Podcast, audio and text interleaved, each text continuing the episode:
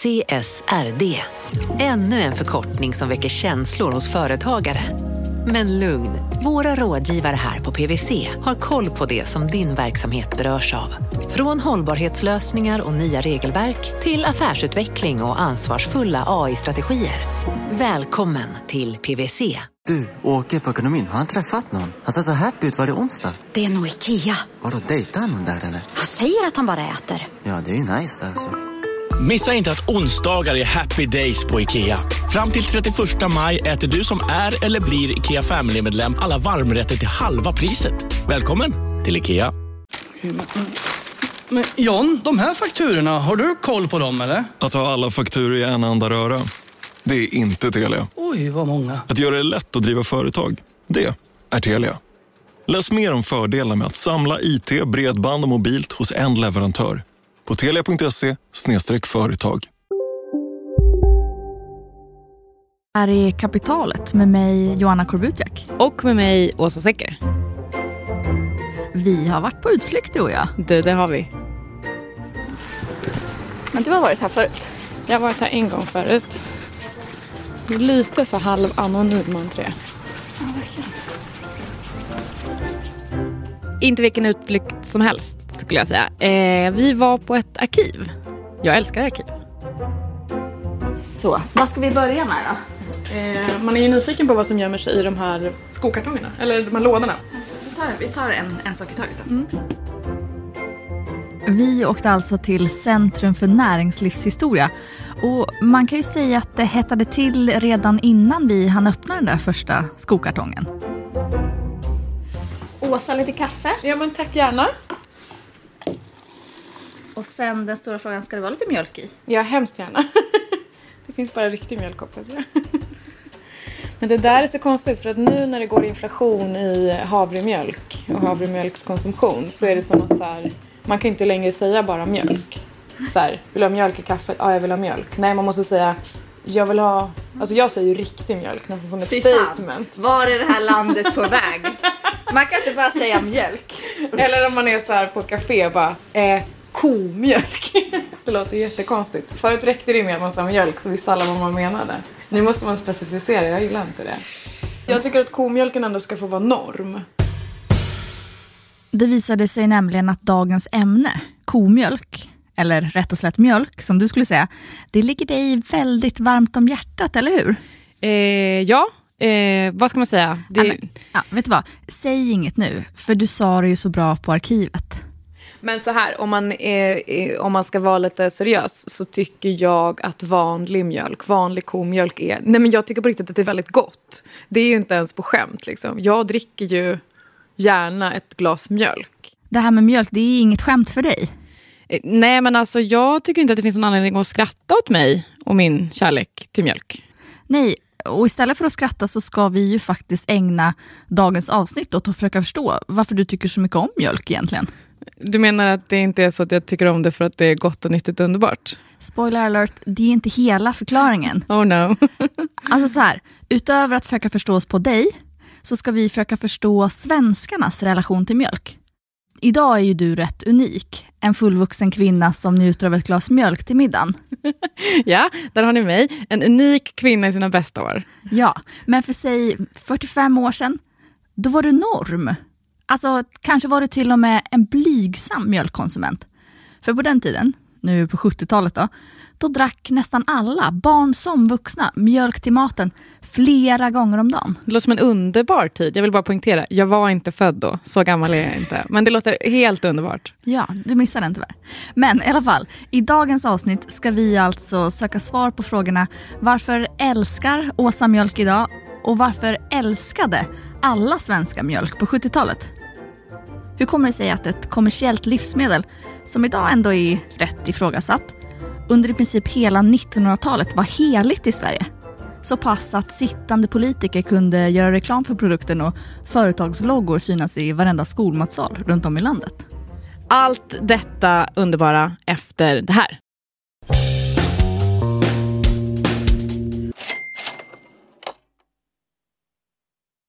Vi sponsras av Storbrand Asset Management som ju förvaltar över 1000 miljarder norska kronor, bland annat för SPPs eh, många pensionssparare.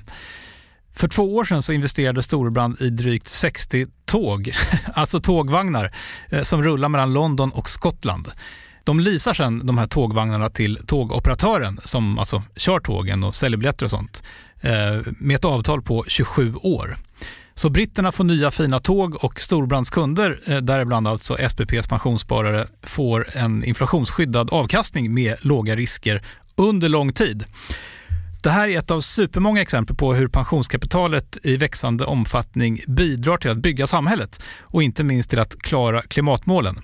Det behövs elproduktion, elnät, batteriparker, nya transportlösningar och allt möjligt. Bara i Europa antas investeringsbehovet för att klara klimatmålen uppgå till tusentals miljarder dollar.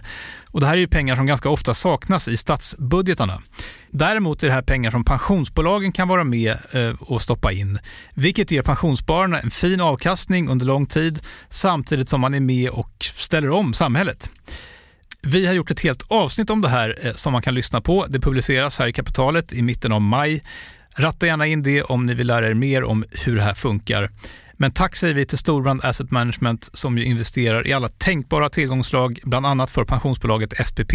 Och tillsammans försöker ju vi, Storbrand och SPP öka medvetenheten om hur pensionerna funkar och vilken roll pensionerna spelar i samhället och i ekonomin. Här ska mjölken boxas bort. Det ska ske nu inom kort, sa det kaffepetter. I första ronden såg det ut som mjölken skulle få knockout. Du, det visar sig att vi inte är de enda som tycker att det är roligt att kolla på gammal mjölkreklam. Men mjölken är dock inte slut. Han krafter har att hålla ut. En räkning kaffet tog till 11. Det kan ni se här själva. Vem är den här underbara mannen? Jag heter Håkan Jönsson, är etnolog vid Lunds universitet där jag mest sysslar med forskning och undervisning om mat och måltidskultur. Håkan skrev sin avhandling om mjölk en gång i tiden och sedan dess kan man säga att han är go-to-killen om man vill snacka mjölkens ställning i Sverige. Ja, det vill man ju. Eh, jag kan känna så här, han behöver inte motivera för mig varför det här liksom, ja, känns givet. Men bara för lyssnarnas skull då, varför har han liksom intresserat sig så mycket för mjölk? Alltså, jag tycker mjölken är så fascinerande därför att det, eh, om man vill förstå ett samhälle som är så oerhört komplext så måste man liksom ha någon sorts ingångar i det. Och mjölken var liksom på något sätt folkhems-Sveriges uratom. Det som blev synligt genom att titta på mjölken var liksom hela samhällsutvecklingen. Ehm, under en säg 150-årsperiod så var mjölken liksom den optimala ingången till att förstå kultur och samhällsförändringar. Alltså det är inga små ord från underbara Håkan här. Eh, men som den eh, mjölkälskare som jag är så är inte jag ett dugg förvånad. Nej, och du förstår ju att om det är någon som kan förklara varför du älskar mjölk och kanske ännu mer då, varför alla svenskar älskade mjölk så mycket under 1900-talet, då är det Håkan. Jo, men det korta svaret är att mjölken blev ett livsmedel som inte var som alla andra. Därför att så väldigt många mer än de som faktiskt ägnade sig åt att producera mjölken tyckte att mjölk var viktigt. Det, det samlade liksom olika intressen från politiker till lärare, till läkare, till folkhälsoentusiaster. Eh, eh väldigt mycket mer alltså än mjölkbönder och eh, mejeriföretag. Så hittills då har vi alltså lärt oss att mjölk det var folkhemmets dryck numero uno. Numero uno. Ja. Mm. Och alltså inte bara ett livsmedel bland andra. Och en anledning till det, det var alltså att måltidsdrycken mjölk har haft en otroligt bred uppbackning i det svenska samhället. Det du säger är att jag alltså älskar mjölk idag för att väldigt många olika intressen gillade mjölk förr. Ja. Okej, okay, men, men då är ju frågan, alltså hur fick mjölken så bred uppbackning? Alltså hur kommer det sig att typ alla gillade mjölk för så har det väl inte varit alltid? Frågetecken. Nej precis. Eh, alltså mjölk som måltidsdryck det är egentligen ett ganska sent fenomen som börjar andra halvan av 1800-talet. Naturligtvis hade vi konsumerat mycket mjölk innan dess. Vi hade ett fäbodväsende, speciellt i, i norra Sverige och sånt, så det hade varit en viktig del av kosten, det som vi får från mjölken. Men just det här mjölk som måltidsdryck, det var inget man gjorde. Du skulle ha mjölken till det värdefulla smöret och de värdefulla ostarna. I det gamla Sverige satt man inte och okynnessörplade på mjölk, sådär som du kan göra Åsa. Obegripligt, för det är det mysigaste man kan göra. Eh, men vad var det som fick folk eh, i det här landet att tänka om? Håkan, jag pratar med dig nu. Ja, ja då var det så här med två saker som händer där i mitten, slutet på 1800-talet. Eh, det första är då att stadsbefolkningen växer och stadsbefolkningen hade behov av eh, livsmedel liksom för att säkerställa näringen. Eh, det andra är att eh, hela jordbruket i Europa drabbas av en strukturkris där det kommer in en massa billigt spannmål från USA och Ryssland. Och då ställer många om till att ha betydligt mer djur. Så att man drog ner på spannmålsproduktionen som man inte kunde konkurrera med och så ökade man antalet kor och då behövde man avsättning för detta. Och mjölk är det optimala för du kan bara transportera det ganska kort ställe. Så att du har ju helt sluppit liksom den nationella internationella konkurrensen Hängde du med här? Alltså, de svenska bönderna sysslade med spannmål, men så kom det in massa billig konkurrens utifrån, vilket tvingar dem att tänka om. Eh, och för att slippa utländsk konkurrens så började de producera mjölk. För den kunde man inte skeppa hit från Ryssland eller USA, eller ens andra halvan av Sverige, eftersom det är en sån färskvara. Rimligt. Eh, men sen sammanfaller alltså det där incitamentet också med urbaniseringen som gör att folk flyttar in i städerna. Och då kan man ju så se framför sig att man så flyttar längre bort från maten och då kanske det blev svårare att få i sig näringsriktig mat. Om vi nu då hoppar fram en liten bit in på 1900-talet så kan vi då se, man har upptäckt, för och först har man upptäckt då vitaminerna och man börjar förstå liksom olika komponenter i kosten och vad de gör. Man kan då se på mjölken att där finns de allra flesta av de här näringsämnena. Man kan också, man har också en ny generation av medicinare eh, som ser att ja, men alltså, mjölk är ett effektivt sätt att få upp nutritionsstatusen på speciellt, speciellt barn och andra, andra undernärda. Ja, du ser Åsa, här får mjölken alltså ytterligare en skjuts av den moderna vetenskapen. Underbart. Sen så här, att det är en avvikande gen som gör att de flesta här i norr kan dricka mjölk som vuxna, medan typ 70 procent av jordens befolkning är laktosintolerant. Det är en annan historia. Man kan säga att vetenskapen hade lite snävt nordeuropeiskt perspektiv här. Eh, jag tycker inte vi behöver fokusera jättemycket på det. Nej, vi släpper nej, det. Vi släpper det. Mm. Eh, okay, men då har vi alltså tre intressen som sammanfaller här om man ska liksom, eh, eh sammanfatta lite grann. Det är böndernas ekonomi, eh, undernärda stackars stadsbor eh, och sen då eh, läkarnas upptäckter av fantastiska näringsämnen. Och som om det här inte skulle räcka för att skapa en succédryck så fanns det ännu fler som gillade mjölken. Vi har en nykterhetsrörelse som ju har sin höjdpunkt under mellankrigstiden. Vi har förbudsomröstning och starka restriktioner. Mjölken var liksom en alkoholfri dryck vilket inte ska underskattas i, i, i sammanhanget. Mjölk är fortfarande alkoholfritt toppen faktiskt. Eh, Okej, okay, så att mjölk sågs liksom som ett sätt att få de svenska suputerna som fullständigt höll på att dricka Sverige under bordet, att liksom lyfta blicken lite från brännvinsglaset. Ner i mjölkglaset. Ner i mjölkglaset, ja, det är underbart. Och sen har vi då eh, en politisk generation som börjar ta form där det här med skolmjölk, alltså att ge mjölk, ge lika förutsättningar för att ta till sig högre utbildningar. Det var något som var mycket lättare liksom att samlas kring än det var att komma överens om skattepolitik eller annat.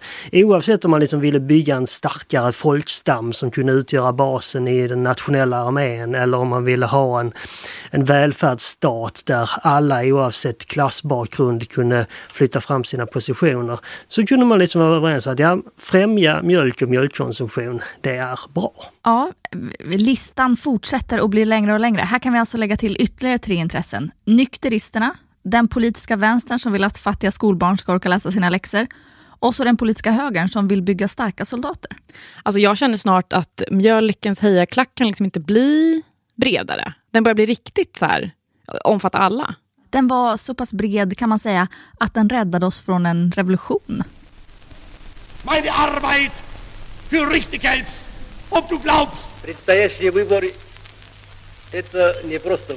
Nu, har, nu har du tappat mig lite, det ska jag erkänna. Nu hänger jag inte riktigt med. Okej, okay, så här. Vi har ju snackat om hur mycket alla älskade mjölk och kunde enas kring att det var en fenomenal dryck som samhället borde satsa på. Rimligt. Men den här enheten, den var långt ifrån representativ för dåtidens politiska klimat. Alltså, man snackar om att vi lever i en polariserad tid nu. Det gör man.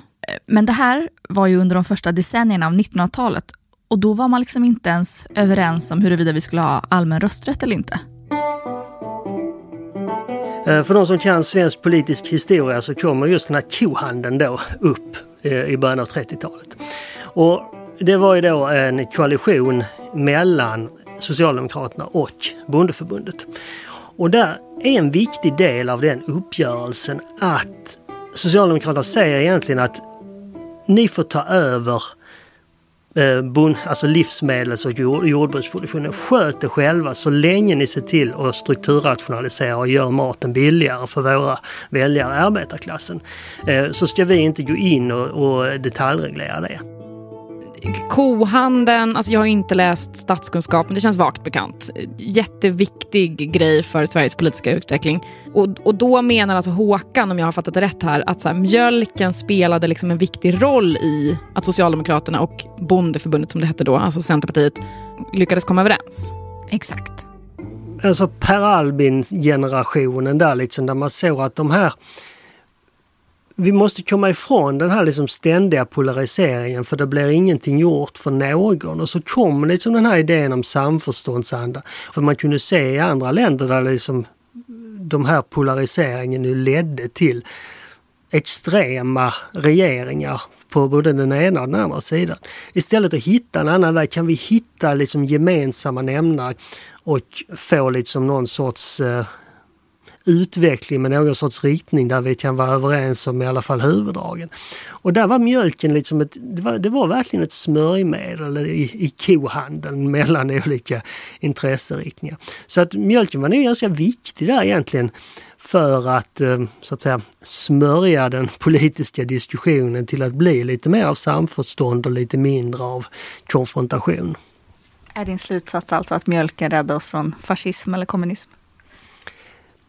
Ja, eh, det, det var, jag skulle säga att det var faktiskt ett verktyg i det. Ja men tack mjölken då, får vi väl säga. Vi har mjölken att tacka för mycket.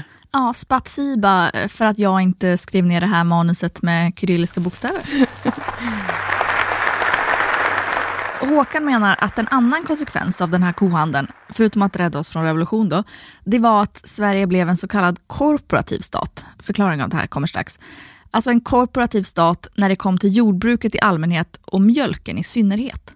Absolut, ja, men, nej, men så, så, var, eh, så var det. det. Det här var verkligen den korporativa Sveriges kärna, att låta så att säga de som förutsågs veta bäst om de enskilda områdena att göra det. Och så länge det liksom inte gick ut över, över andra intressen. Så då har vi alltså en slags korporativism, enkelt uttryckt ett samhällssystem där de aktörer som förutsätts veta bäst, i det här fallet om mjölkbönder, får reglera sig själva och den fria marknaden är satt ur spel. Eftersom att man tyckte att det här var det bästa för landet i helhet. Eh, väl? Ja. Eh, men exakt vad var det man gjorde då för att underlätta för mjölkbönderna? Alltså vad var det de fick reglera själva? Jo men politikerna hade ju till exempel infört den här nämnda skolmjölken, vilket ju i sig skapade en rätt stor efterfrågan eftersom Sveriges barn vid den här tiden gick hela sju år i skolan. Mm. Eh, men framförallt så införde man prisregleringar, det vill säga man lät bönderna sätta ett mjölkpris som gjorde att det gick runt för dem och så gav det då stabilitet under året för de visste hur mycket de skulle få betalt för mjölken. Det är inte helt vanlig marknadsekonomi det där inte. Ingen fri marknad i sikte. Men alltså, parentes då, det här med att mjölkbönder ska klara sig på en fri marknad, det är en idé som får genomslag långt senare, typ på 80-talet. Och nu är vi ju fortfarande kvar i mellankrigstiden. Och då kan man ställa sig frågan, vad är viktigt när man precis har bevittnat ett världskrig från sidlinjen? Jo, att trygga den nationella livsmedelsförsörjningen. Jätterimlig eh, prioritering. Okej, okay, men det, det gör man ju såklart då genom att hålla sina egna bönder flytande så att de kan producera mat. Ja, eh, och vet du vad? Vi gick ju igenom det här med korporativ stat, men det finns ett annat viktigt begrepp på K som man kan säga möjliggjorde den här korporativismen, nämligen kooperation. Bönderna hade då redan eh, börjat organisera sig i kooperativa företag. Och det mesta av livsmedelsproduktionen i Sverige, allra mest mjölken, var ju ägt av bönderna själva. Det var alltså kooperativa företag. Så att bönderna var både så att säga, de var leverantörer av råvara men också av slutprodukten till kunden. Så här skedde ju liksom en väldig integration mellan de olika delarna i kedjan och en integration mellan man säger, bönder som politisk kraft och bönder som ekonomiska aktörer. Det vill säga mjölkhantering, transportkedja, smörproduktion och så vidare. Allt det ägdes gemensamt av mjölkbönderna i olika kooperativ. Eh, och det gjorde ju att de här kooperativen blev rätt stora och därmed mäktiga. Och då var det alltså de här kooperativen som via sin riksorganisation fick makt av staten att reglera sig själva. Det vill säga det här korporativismen. Aha, okej, okay. men, men det var inte en stor kooperation för hela Sverige utan det fanns olika? Ja, man kan säga att varje del av landet hade sitt eget kooperativ. Och, och sen blev de successivt färre i takt med att mindre kooperativ slogs ihop till större under årens lopp. Okej, okay, och de konkurrerade inte med varandra eller? Gud nej. Här snackar vi kartellbildning och regionala monopol för hela slanten. Ja, varför inte? ja, men tänk när du var liten. Då var det ju inte som nu att det fanns fyra olika sorters mellanmjölk i affären. Det fanns en, eller hur? Ja, ja, ja. det fanns en hederlig grönrandig tegelstensformad Arla-tetra och det var det. Och de här tre K'na som vi nu har samlat ihop, korporativismen, kooperativ och kartellerna, det kan ses som svaren på två av de andra frågor jag lovade att vi skulle svara på i början. Nämligen hur det har kunnat komma sig att sittande politiker medverkat i mjölkreklam och att vi i den annars så reklamfria skolan utsattes för mjölkpropaganda varje lunch. Alltså jag ska erkänna att jag inte helt hänger med på det hoppet där. Oroa dig inte. Jag och Håkan ska förklara ordentligt. Eh, men först har vi lite reklam. Kan vi också efter reklamen kanske prata lite mer om reklamen som vi tittade på i det här fantastiska arkivet som vi var och besökte? Absolut. Toppen.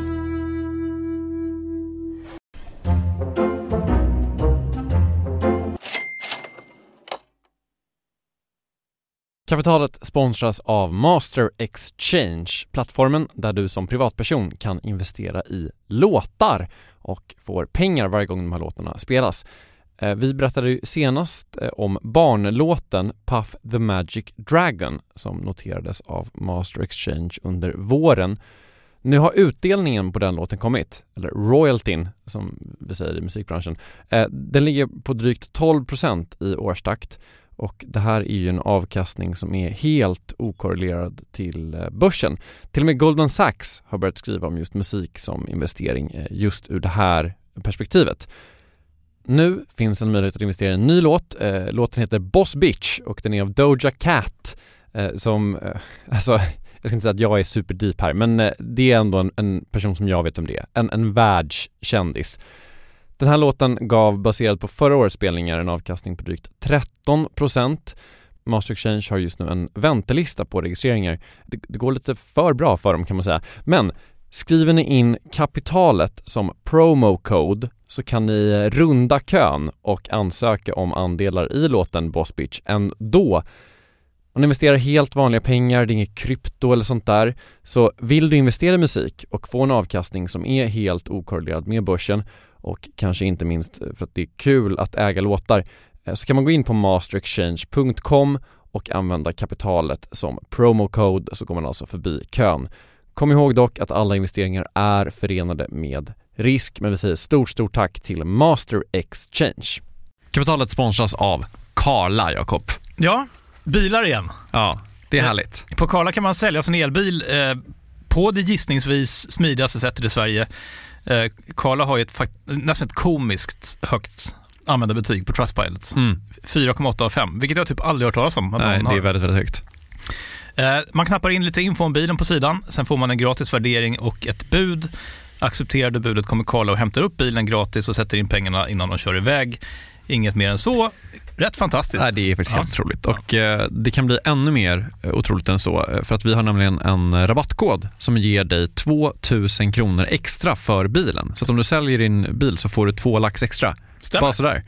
Eh, koden är Monopol och Eh, den uppger du när du har värderat bilen och eh, pratat med Karlas inköpare. Koden är giltig till sista maj, så att passa på om du går i säljartankar. Jag undrar om vi haft en kod som har gett två lax bara sådär någon gång. Nej. Det är helt otroligt. Man behöver en bil förvisso. Absolut, så det är inte, kanske inte bara sådär, men det är ändå 2000 kronor extra. Väldigt bra. Ja. Så sälj din elbil eller laddhybrid till Karla. Du får 2000 kronor extra med rabattkoden Monopol. Eh, hoppa in och kolla på karla.se, Karla Museet. Där kan vi också köpa bilar ska jag tillägga. Verkligen. Vi säger stort tack till Karla. Reklamkampanj Minimjölk med Emma Sjöberg. Oj! 1990-tal. Men gud, det är små diabilder. Här är hon. Här är hon. Emma. Så där snygg blev man om man drack minimjölk. Herregud. Jag fick minimjölk hemma, syns det? Men alltså okej, det här tycker jag är sorgligt. För att nu försöker liksom mjölken att anpassa sig efter bantningshetsen. Så här, mjölken försöker liksom passa in i sin samtid. Kan inte mjölk bara få vara mjölk? Den där kampanjen, den gick inte hem hos dig Åsa. Nej men usch, ångest. Ja. Bättre var det med skolböckerna, eller vad vi ska kalla dem, som vi hittade i arkivet. Här har vi trycksaker. Oj! Oj! Mjölk i livet! Åh gud. Åh gud, får inte du så flashbacks till din barndom typ? Det här är ju ett 90-talsbarn. Ja. Det här är ju inte ett barn av idag. Det här är ett barn med lugg och råttsvansar. Och osminkat och liksom hela handen runt mjölkglaset. Lyckliga ögon. Så börjar så här. Kanske minns du själv hur det kändes den där allra första skoldagen. Hur du stod där fylld av förväntan och höll mamma eller pappa i handen och väntade på att livet skulle börja på allvar. Ja, man undrar var mjölken ska komma in här, för det är en ganska lång text. Ja. Ehm, hittar du mjölk? Vi Nej. skummar texten. Nej, det är kompisar. Nej, får och- bläddra då. Kanske kommer på nästa sida. Nu krävs det mycket energi. Okej, okej, Okej, okej. okej. Ja. Ehm, Nu är det ja. bra mat som krävs för att orka Ja. hålla på här. Var kommer mjölken? Nej, ta nästa sida då. Den Här. fjärde slicen. Nu kom några ord om mjölken och livet. Ja, mjölk är vårt näringsrikaste livsmedel och en av hörnstenarna i kostcirkeln. I mjölken finns åtta av de tio viktigaste näringsämnena. Näringsforskarna och myndigheterna är överens om att barn behöver 67 deciliter mjölk om dagen och vuxna cirka 5 deciliter. Men alltså är det här en broschyr från Arla? Ja, Mejerierna? Mejerierna. Mjölkeriet, ja. För alltså det här känns ju som en broschyr om typ så här eh, från typ Folkhälsomyndigheten eller Socialstyrelsen eller whatever om så här bra mat och typ eh, viktigt att tänka på. Verkligen. Men det är det inte. Ja, vi hittar ju flera sådana här arbetsböcker riktade till skolbarn där i arkivet. Ja, alltså de var ju jättemysiga eh, tycker jag. Men när man så här, tänker på det i mer än tio sekunder så är det ju faktiskt lite märkligt. För det var inte så att vi hade så här massa andra företag som, som sponsrade vårt lärande. Jag vet inte vad det hade kunnat vara. Så här, Wiströms järn och färg sponsrade teknikundervisningen. Men du vet, så var det ju inte. Nej, varumärken generellt var ju väldigt frånvarande. Äh, från skolans håll då. Märkeshets gällande kläder och skor finns väl överallt. Ja, exakt. Men alltså när det kom till böcker, så klassrumsväggar, korridorer, då var ju varumärken big no-no. Förutom då när lilla Joanna och lilla Åsa gick för att ta sig varsitt glas mjölk till, till skollunchen. Då möttes man ju nämligen av den här stora loggan på mjölkautomaten. Ja, den kan man ju se framför sig. Eftersom att vi är uppvuxna då i Svealand, underbara Svealand, eh, så var det ju Arla som prydde mjölkautomaterna i matsalen. Det känns som att det är dags att kalla in etnologen Håkan Jönsson igen. Håkan, förklara för oss varför mjölkreklamen upplevdes som så okontroversiell att den till och med fick fritt spelrum i skolan. Den moderna mjölkreklamen kan man säga den startade 1922 med tillkomsten av föreningen Mjölkpropagandan. Och det är inte bara mejerierna och bönderna heller utan det är en sammanslutning av alla de här olika intressena. Och där, redan de första tio åren så producerar man flera miljoner liksom av pamfletter och broschyrer och eh, man startar mjölkbarer och, och inte minst så gör man utbildningsmaterial till skolorna där man liksom ska berätta om mjölkens förträfflighet. Och det här var, det här var faktiskt ganska okontroversiellt. Så, så det, här var, det här var ju verkligen liksom en, en integrerad del eh, där så att säga folkhälsoinformation och reklam på något sätt flätades in i varandra. Och det tycker jag också är viktigt att betona här att det var inte bara mjölken som uppfattades annorlunda. Det var ju också så att mejerierna själva, mejeriföretagen, uppfattade sig som något annorlunda än ett vanligt producerande företag som bara gjorde detta för att tjäna pengar. Okej, så att anledningen till att liksom Arla kossan fick härja fritt i matsalen på Björknässkolan det var liksom att ingen riktigt uppfattade att det var reklam och inte ens då mejeriföretagen själva. Nej men precis, för alla gillade ju mjölk. Du minns ju den här stora hejaklacken med läkare, politiker, bönder och nykterister som vi berättade om i början. Alla var ju liksom för att vi skulle konsumera mjölk. Och de här kooperativen som ägdes av bönderna och som kontrollerade hela kedjan från kossan Rosa, nummer 322, till ditt eh, randiga mjölkpaket. De kände sig inte som några profithungriga kapitalister utan som en viktig samhällsaktör i folkhälsans tjänst. Och det här det har också gjort det möjligt för politiker att vara med i mjölkreklam. Ja precis, ja, men jag kommer ihåg de här underbara affischerna med moderatledaren Gösta Boman som bredvid då eh, gamle kommunistledaren Lars Werner. Eh, båda två eh, de, de står bredvid stora affischer och gör reklam för mjölk. Och igen, det var liksom, det här var inte reklam för en kommersiell produkt. Det här var någonting som man stod bakom för en ja, för en, helt enkelt för att främja en sund befolkning som låg i alla politiska intressen. Och till och med den ännu verksamma politikern Carl Bildt kunde ju ses på de här eh, bilderna från kampanjen där han säger att mjölk ger starka ben och hoppar med sin struttiga kropp efter att ha druckit ett glas mjölk. Alltså kan det här vara det verkliga svaret på frågan varför du älskar mjölk? För att du såg Carl Bildt hoppa med sin struttiga kropp? Alltså jag skulle liksom med bestämdhet vilja dementera det här, eh, men eftersom att jag har blivit hjärntvättad i hela mitt liv så, ja, vem vet? vem vet? Mm. Struttig Carl Bildt eller inte, jag tycker att vi har samlat ihop ett ganska bra svar på frågan varför du och svenska folket älskat mjölk så mycket. Eh, ja men det tycker jag absolut. Alltså, om jag ska sammanfatta det lite så tänker jag att det låter ungefär så här. Det var en produkt som de flesta aktörer i samhället liksom tyckte var bra för nationen. Alltså det var liksom bra ekonomiskt, det var bra politiskt, det var bra näringsmässigt. Så då satsade man en massa eh, på bönderna och på att få folk att konsumera mer mjölk.